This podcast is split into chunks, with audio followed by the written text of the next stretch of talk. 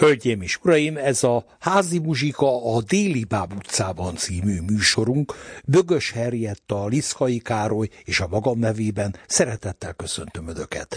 Mai találkozónkon Szabodi Vilmos professzor és tanítványai szerepelnek, amit hallottunk, egy csodálatos Bach kompozíció két tétele, mégpedig a G-moll eh, partita vagy szonáta többféleképpen nevezitek, Farkas Boglárka előadásában. Bátor vagy, hogy ezzel kezdted a műsort?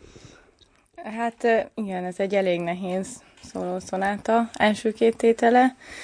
Hogy de... érezted belülről? Melyik tétel sikerült jobban, ahogy te szereted? Hát az első.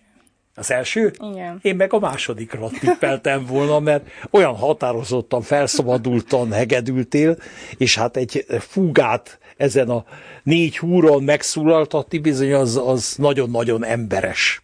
Igen. Hol tartotok most a tanulmányokban? Hát lassan közeledik a vizsga, aztán hát majd meglátjuk, most elsősorban a vizsgára készülök, ami két hét múlva lesz. És megkérem Szabadi Vilmos professzort, régi barátomat, hogy jöjjön ide, és a másik két növendéket is majd légy szíves bemutatni, de először meséljük el azt a történetet, amivel fogadtalak, hogy eszembe jutott a 80-as évek elejéről egy zenebutikadás, amiben... 82-ben volt. Na, te jobban tudod, 82, úristen, 41 évvel ezelőtt volt, és e, mi átvettük azt a felvételt, amit akkor a kollégák készítettek a Zeneakadémiai hangversenyről, ahol is az történt, hogy átadom a szót. Hát ez a rádióversenynek a gála koncertje volt, amit véletlen megnyertem, és ott... Véletlenül hallott, Ott egy Brahms Szegedű verseny volt, hiszen ugye a döntőben is azt játszottam, és az már az a hatos stúdióban volt, ez pedig a, az akadémia nagytermében, és akkor úgy volt, hogy díjkiosztás, mindenki nagy örömmel, hát nagy, kijön, nagy, felszabadultam, na hát, hogy micsoda nagy dolog, és ami hát igaz. Akkor, ami igen, hát ez tényleg csodálatos volt, és, és akkor utána, hát akkor tessék egy Brahms-Szegedű verseny. Na most miután a, a Brahmsot életemben akkor harmadszorra játszottam, és másodszorra előző nap. Tehát, a főpróba. Igen, de nem, a, nem volt főpróba, főpróba semmi nem volt. Semmi nem volt. A, a, maga a volt a döntő. Igen, igen, tehát a igen, döntő igen. volt a főpróba. De hát gondoltam, hogy hát ez már maga lesz a nagy öröm, meg a nem tudom micsoda. Hát egyáltalán ugye az akadémia nagytermében akkor még nem játszottam. Eleve egy, egy plusz súly, meg hát az, hogy a győztes, na most mutasd meg, hogy hát miért nyerted meg. Hát persze. És hát ment, mendegét a darab, első, első tétel, más tétel. Ó, mondom, de hosszú ez, ez még nem lett rövidebb tegnap óta. És hát akkor egyszer csak pak, Elszakadt az éhúr. Igen, na most egy ideig a pártomás volt a karmester, és egy ideig nem értette, hogy én ott mutogatok a hegedűre, hogy hát ne, ott nagyban ment tovább. Gondolta, hogy hát biztos valami memóriaiba, vagy valami, nem, itt a húr.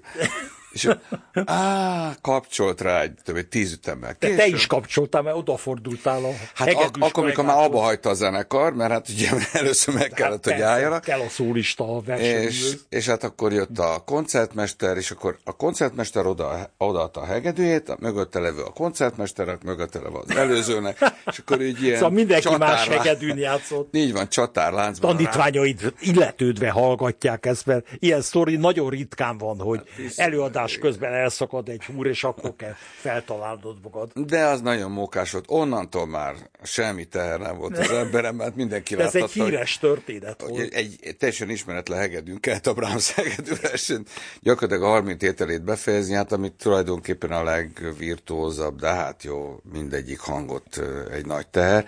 De hát túlestünk rajta, azóta bejátszottam, vagy 35-ször.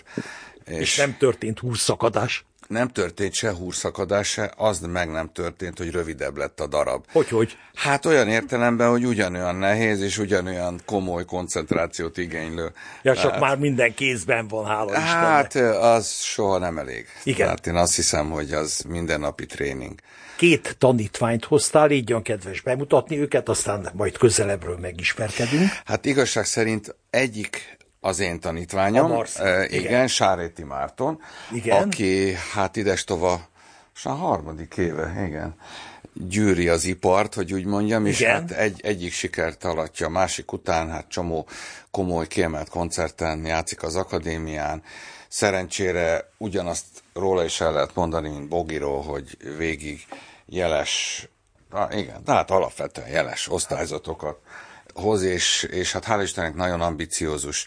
Mindkét hallgatóm, nem véletlenül játszanak ma, és a egyik oka, hogy ők itt vannak, hogy ha jól tudom, ugye ez egy Hát több oka is van, mert ugye Marci játszik majd a diploma koncertjén, ami a BA diplomája. Nagyszerű. És ha nem is az egész szonátát fogja eljátszani, de az első tételt.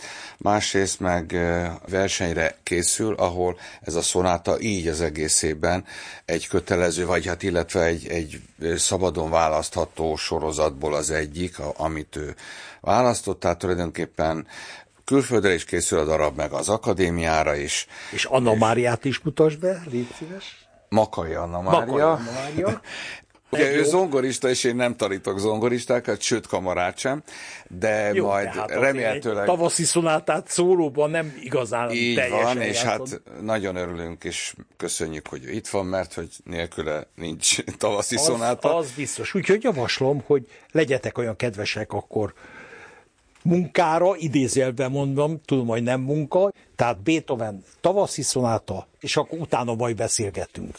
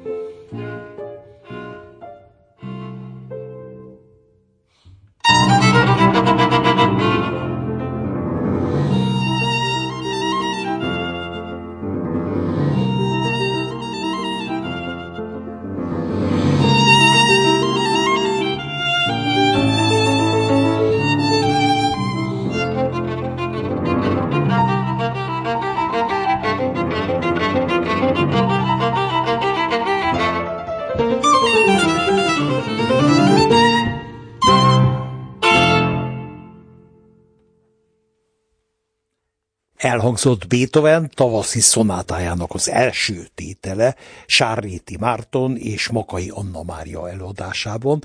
Ez itt a Házi Muzsika a Déli Báb utcában című műsorunk, és abban maradtunk a fiatalokkal, hogy tételek közben egy picit beszélgetünk, és ugye a hölgyeket illeti meg az elsőség, úgyhogy Anna Máriához jövök. Először is gratulálok, hogy ezt a hangszert így meg tudtad énekeltetni. Mesélj egy magadról. Harmadéves tanuló vagyok a Zeneakadémián, most ment le a diploma hangversenyem. Kik a tanárok? Kemenes András és Eckhard Gábor, professzor urak. Folytatás mit szeretnél tanulmányokban? Mindenképp szeretném befejezni majd a mesterképzést is, oda most felvételizem. És egyébként meg érdekel a kamara muzsika, úgyhogy reményeim szerint ezzel tudok majd foglalkozni később. Uh-huh. Ezt jó hallani, mert a kamarazene az úgy tűnt egy ideig, hogy kezd kihalni, most nem. Marcival később beszélgetünk, majd a második tétel után. Tessék parancsolni, utána beszélgetünk.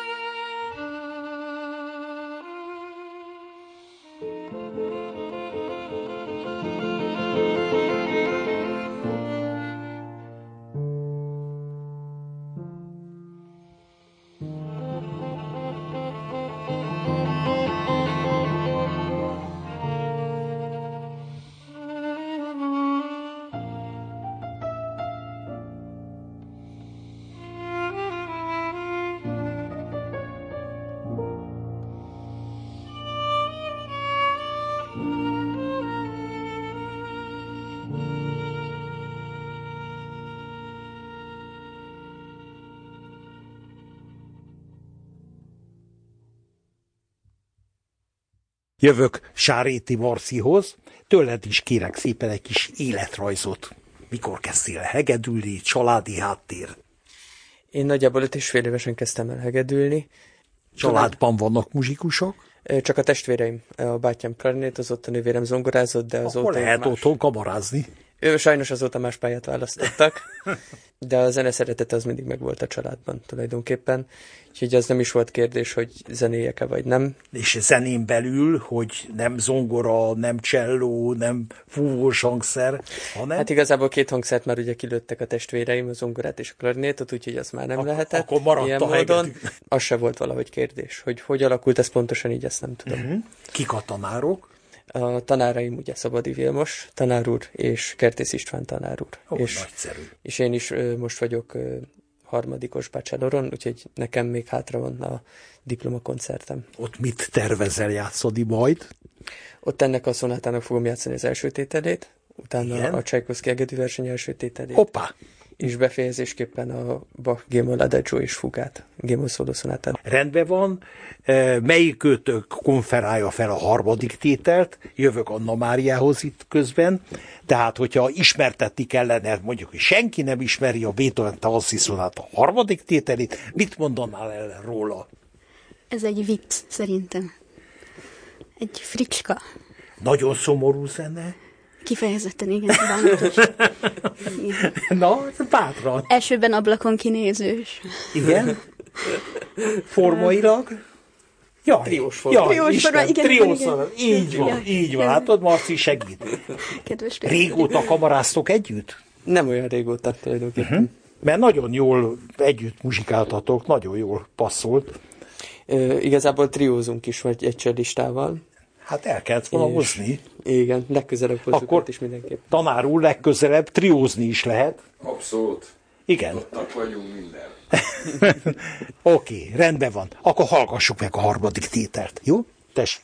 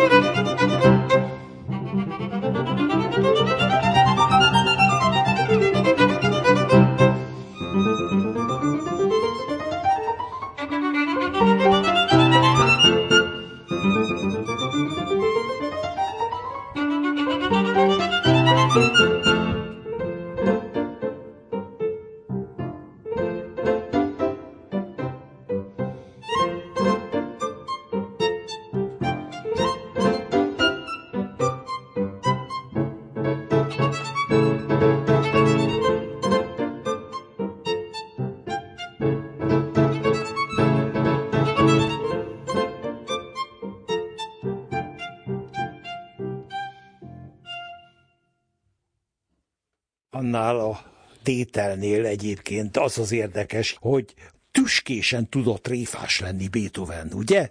Tehát ez nem olyan menüet, hogy táncolni kell rá, hanem olyan szkerszó, hogy szinte úgy sziporkázik. Hát meg halatlan virtuóz, tehát uh, ugye játszva ezt a szonátát egy pár tízszer, ugye többek között Gulyás Mártával, vagy főként Mártával, mindig arra jövünk rá, hogy ennél a tételnél nem lehet kihagyni, mert itt egyszerűen egyetlen másodperc kihagyás azon a felborítja. Mert nagyon nehéz a, egyébként. Tata, tata, tata, tata, állandóan ez a... Tréfás kedvű volt a Beethoven egy ideig. Az, az Opus 1-es sorozatban ott, ott legalább három trióra emlékszem, és ott is azért olyan hihetetlen ütemtolások és Igen.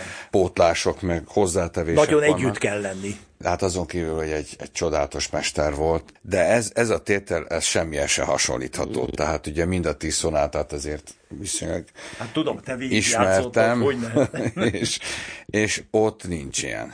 De hát ez egy tényleg egy fiataloknak való tavasszal. Abszolút, tavasz is. Akkor a negyedik tételt kommentár nélkül kérjük szépen. Tessék!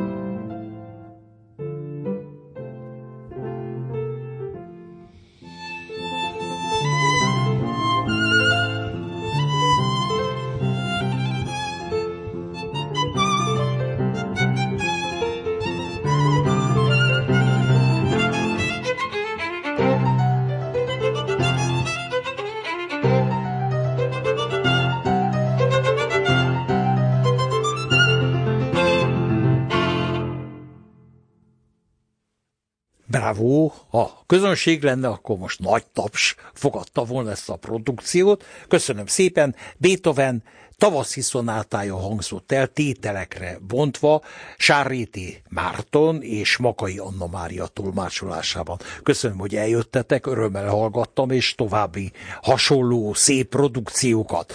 Közben Szabadi Vilmoshoz fordulok, aki természetesen most még vetetőzi ezt a mai műsort azzal, hogy muszáj hegedülni, nem csak beszélni, nem csak oktatni. Milyen úgymond ráadás számot választottál? Hát miután itt sorozatos lemondások voltak a mai nap, így gondoltam biztonság kedvére, azért elhozom a hegedűt. Nagyon jól tetted. Őszintén szóval ez egy beugrás szerűség lesz, de a Vecsei Ferenc mint magyar hegedűművész, hát elég tragikus sorsú, 37 éves korában elment világhírű hegedűművész, nagyon szeretett zenét szerezni, és nagyon jó zenét is szerzett hozzá. 9 éves korában a Carnegie Hallban volt egy bemutatkozó koncertje, amiről a, a New York Times azt írta, hogy az évszázad koncertje, és hát szóval hasonló dolgokat lehet róla referálni, minden esetre az ő, ő személye, ami számunkra a Hubai iskolának az egyik koronázatlan királya, azt hiszem nagyon fontos, és Szólódarabokat komponált is. Is. E, is. Hát nagyon kevés szólódarabot, egyet. Tehát, Tényleg? Összesen egyet? Abszolút. Mert azt szoktam úgy ráadásként hallani többször. Én nem tudom, minden esetre ez, ez a preludió és fuga, és ebből... Stílusosak leszünk, mert ugye azzal kezdtük, hogy Igen. Farkas Boglárka egy Bach szóló szonáta preludiumát és fugáját, adagióját és fugáját igen. Hát ez tulajdonképpen hasonló felosztás minden esetre. Nem tudom, hogy mennyi időnk van, különben a darab 10 perces, de ha tételekre szedjük, akkor körülbelül egyenlően 5 percre van tagolva, és hát talán én a fugát választanám csak amiatt is, mert így ilyen délutáni hangulatban pont fugázni lenne kedvem. Jó, jó, örülünk jó. neki. Szabadi Vilmos akkor egy Vecsei Ferenc fúgát fog megszólaltatni a mai találkozásunk befejezéséül. Köszönöm szépen Szabadi Vilmos professzor úrnak, hogy elhozta a tanítványait, Farkas Boglárkát, valamint Sáréti Mártont és Makő Anna Máriát. A fiataloknak további sikereket kívánok, és akkor befejezésül szólaljon meg ez a szóló darab.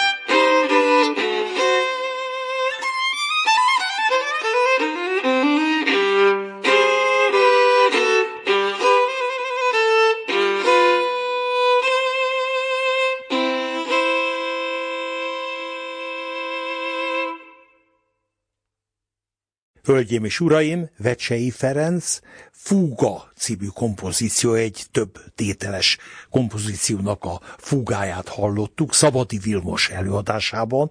A mai házi muzsikában Szabadi tanítványaival jött Farkas Bográkát hallottuk Bach produkcióval, majd utána a Sárréti Mártont és Makai Anna Máriát, akik Beethoven tavaszi szonátáját szólaltatták meg. Bögös Henrietta, Liszkai Károly és a magam nevében köszönöm a figyelmet, Juhász elődöt hallották.